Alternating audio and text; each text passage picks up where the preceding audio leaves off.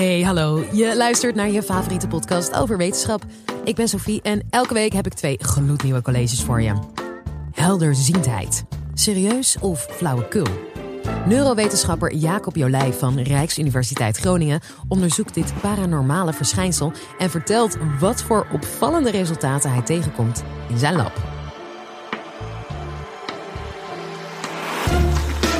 Dit is de Universiteit van Nederland.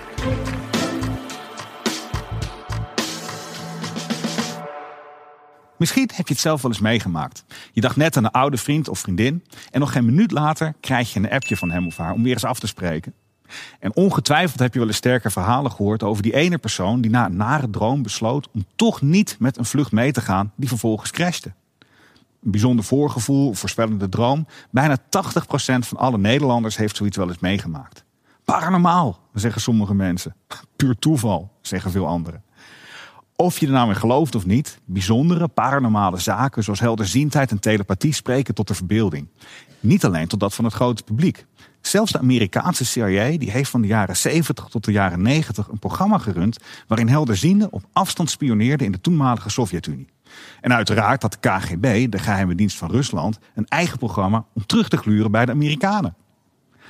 Maar ja, dat veel mensen ergens in geloven wil niet zeggen dat het waar is. Volgens verreweg de meeste wetenschappers kun je rustig aannemen dat helderziendheid, telepathie en andere buitengewone vermogens pure science fiction zijn. Paranormale verschijnselen zijn in strijd met de natuurkunde. En daarbij is het wetenschappelijke bewijs voor het bestaan van deze fenomenen flinterdun. Kortom, het serieus bestuderen van paranormale verschijnselen is niet de meest handige carrière stap voor een wetenschapper. En toch bestudeer ik wonderlijke dingen zoals helderziendheid en bijzonder toeval. In dit college leg ik je uit waarom. Psychologie is als wetenschap ontstaan aan het eind van de 19e eeuw. De eerste psychologen die bestudeerden dingen als geheugen en waarneming. Maar ook waren ze erg geïnteresseerd in bijzondere verschijnselen zoals gedachtenlezen, helderziendheid en seances. Het communiceren met geesten dat toen erg in de mode was. Gerard Heijmans, de eerste echte hoogleraar psychologie in Nederland, deed bijvoorbeeld experimenten met rechtenstudenten die over bijzondere vermogens beschikten en kon voelen waar verborgen voorwerpen zich bevonden. Dat soort onderzoek valt onder de noemer parapsychologie. Para is Grieks voor naast. Parapsychologie is het deelgebied van de psychologie dat zich bezighoudt met zaken die naast de gewone psychologie vallen. Bij parapsychologisch onderzoek werd bijvoorbeeld onderzoek gedaan naar de bijzondere gaven van paragnosten, zoals Gerard Croiset, zeg maar de Dirk Ogilvie van de jaren 50. Maar daarnaast werden er ook proefjes gedaan, zoals Gerard Heijmans deed. Zo keken onderzoekers bijvoorbeeld of mensen in staat waren om alleen met hun geesteskracht voorwerpen of apparaten te beïnvloeden. Denk maar aan Yuri Geller, die beweert lepels om te kunnen vormen met zijn geest. Dat noem je psychokinese, het beïnvloeden van voorwerpen of apparaten met je geesteskracht. Joseph Ryan, een van de eerste parapsychologen in Amerika in de jaren 30, liet proefpersonen honderden keren met een dobbelsteen gooien om te onderzoeken of deelnemers de uitkomst van een worp met hun geest konden beïnvloeden. In andere proefjes moesten deelnemers kijken naar plaatjes terwijl ze gekoppeld waren aan de stressmeter. Sommige plaatjes waren heel kalm, zoals een foto van een bos bloemen. Maar andere foto's wekten stress op, zoals een foto van een explosie. Een computer bepaalde telkens volkomen willekeurig welk plaatje er getoond werd. De onderzoekers wisten dit dus zelf ook nooit. Ook nooit. Met een stressmeter werd gemeten hoeveel stress die plaatjes opwekten. En natuurlijk bleken spannende plaatjes meer stress op te wekken dan kalme plaatjes. Maar het gekke was dat stressvolle plaatjes al stress opwekten voor het plaatje op beeld kwam. Een soort helderziendheid dus.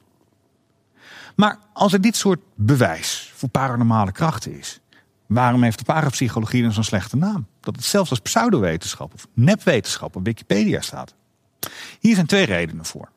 Ten eerste zijn paranormale verschijnselen in strijd met de natuurkunde. Gebeurtenissen zien of aanvoelen die zich in de toekomst gaan afspelen. Dat zou betekenen dat informatie uit de toekomst kan tijdreizen naar het verleden. En dat kan helemaal niet.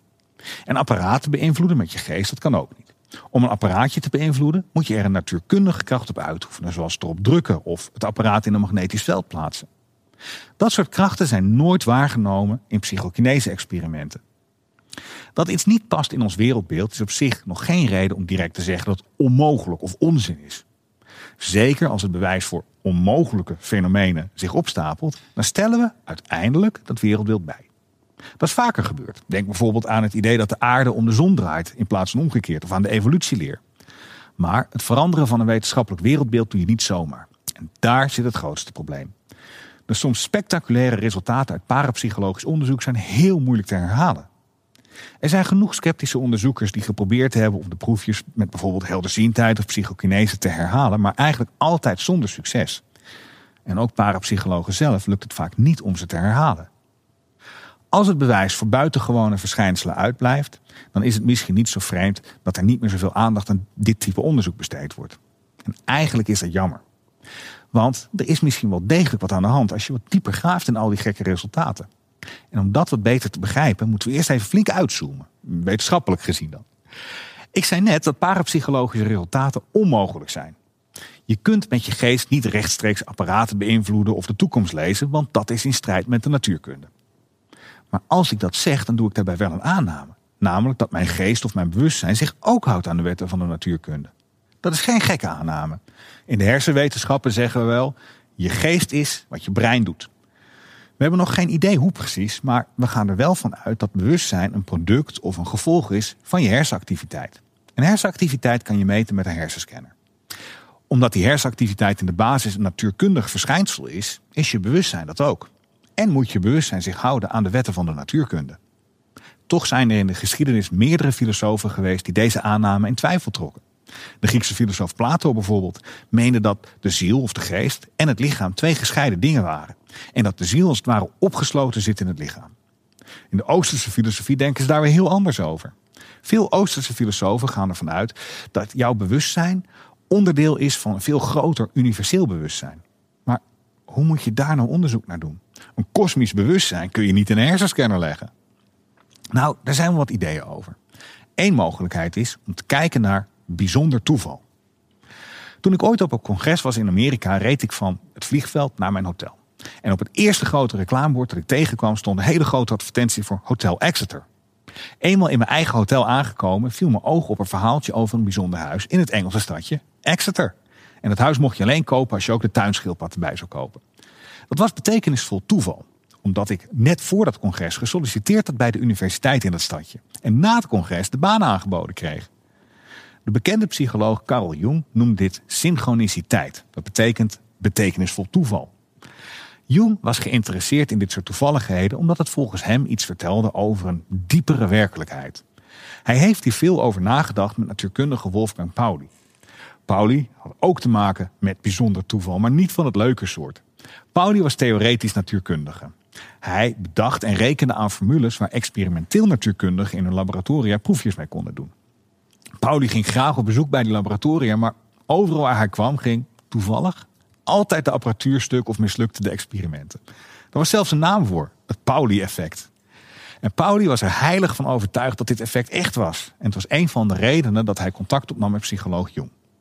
Pauli en Jung die hebben heel veel nagedacht over hoe je bijzonder toeval zou kunnen verklaren.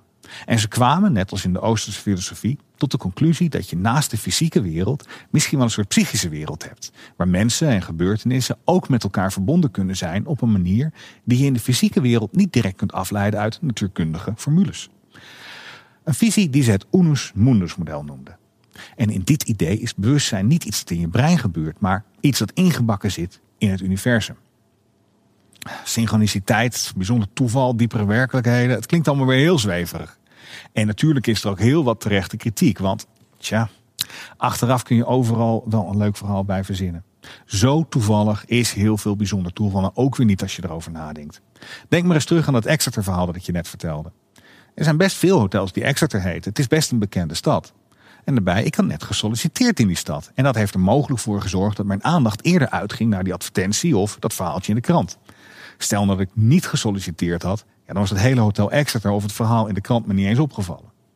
Toeval in het wild is heel lastig te bestuderen, omdat je niet echt kunt zeggen wanneer iets nou echt toevallig is. Het zou mooi zijn als we dat in een experiment zouden kunnen doen.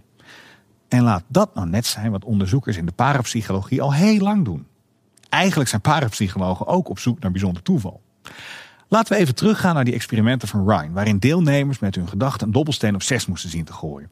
Ik ga dat proberen. Voor het gemak pakken we er even een dobbelsteen bij. Stel nu dat ik deze dobbelsteen gooi en met mijn gedachten op 6 ga laten komen. Het zou natuurlijk heel toevallig zijn als het lukt. Even goed focussen. Oké, daar gaat hij. Helaas, het is een 5. Maar dit soort proefjes naar psychokinese kun je wel op deze manier doen. Maar kun je zeggen dat ik paranormaal begaafd ben als ik van tevoren weet dat ik een 6 gooi of een 5? Nee. Zo willekeurig is het namelijk niet. Als we even in slow motion terugkijken naar het gooien van die dobbelsteen, dan zouden we kunnen berekenen hoe hoog die, die dobbelsteen gooit, met hoeveel kracht, hoe ver, op wat voor ondergrond die terechtkomt. En als ik al die elementen bij elkaar optel, dan zou ik kunnen voorspellen op welk getal die dobbelsteen landt. Het is dus misschien wel willekeurig, maar niet onvoorspelbaar. Tegenwoordig doen we dit onderzoek dan ook niet meer met echte dobbelstenen, maar met computers. Een computer kan ook prima willekeurige getallen produceren. Alleen loop je daar ook tegen problemen aan als je paranormale gaven wil onderzoeken. Die getallen worden namelijk ook bepaald door een complex algoritme. En hoewel er in het eerste gezicht totaal geen logica in die getallenreeksen te zien zijn, is het net als met die dobbelsteen niet geheel onvoorspelbaar. Als je de beginconditie van het algoritme kent, dan kun je zo uitrekenen hoe de reeks getallen eruit komt te zien. Algoritmes zijn dus ook geen goede manier om paranormale gaven te onderzoeken. En daarom gebruiken onderzoekers in de parapsychologie geen echte dobbelstenen of computeralgoritmes, maar zogenaamde elektronische dobbelstenen.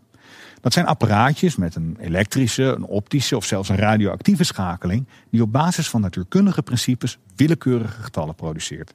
Het is fundamenteel onmogelijk om te voorspellen wat zo'n apparaat gaat doen, al zou je elke elektrische schakeling in het apparaat kennen.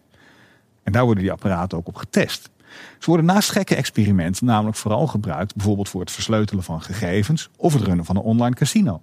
En inderdaad, in experimenten waarin mensen zo'n apparaatje met hun geest moesten proberen te beïnvloeden, bijvoorbeeld door het apparaatje meer even dan oneven getallen te laten produceren, wordt vaak niets gevonden. Het apparaat lijkt zich niets aan te trekken van de deelnemer of van de hoop van de onderzoeker een spectaculaire ontdekking te doen. Maar wat blijkt nou? Als je kijkt naar de getallen die het apparaat produceert tijdens zo'n experiment, dan is er wat geks aan de hand.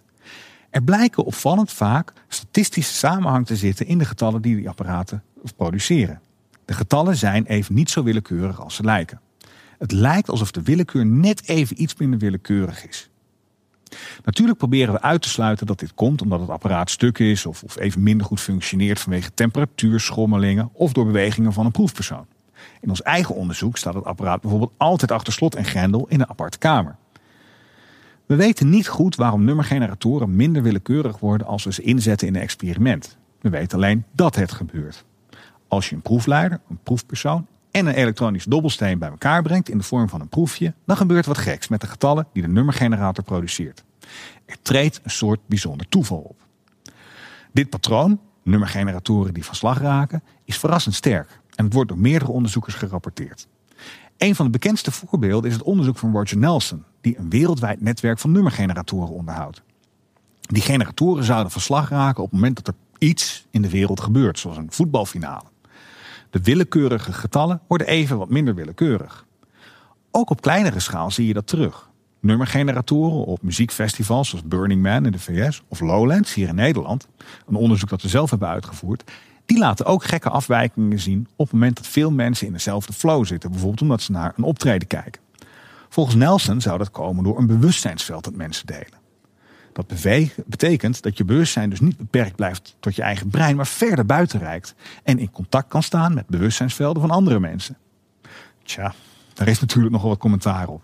En in ons eigen onderzoek dat we op Lowlands hebben gedaan, hebben we laten zien dat het niet zo heel waarschijnlijk is als je bewustzijn inderdaad een soort veld is, zoals Nelson beweert, dan zou je verwachten dat alleen nummergeneratoren in de buurt van Lowlands van slag zouden raken. Maar in ons onderzoek was dat niet zo. Ter controle liep er een generator mee in Groningen die net zo hard van slag raakte. Dat is gek. Maar volgens de theorie van Nelson zou dat niet mogelijk moeten zijn. Een verklaring hebben we nog steeds niet. Goed, dus bestaan paranormale verschijnselen als helderziendheid en telepathie?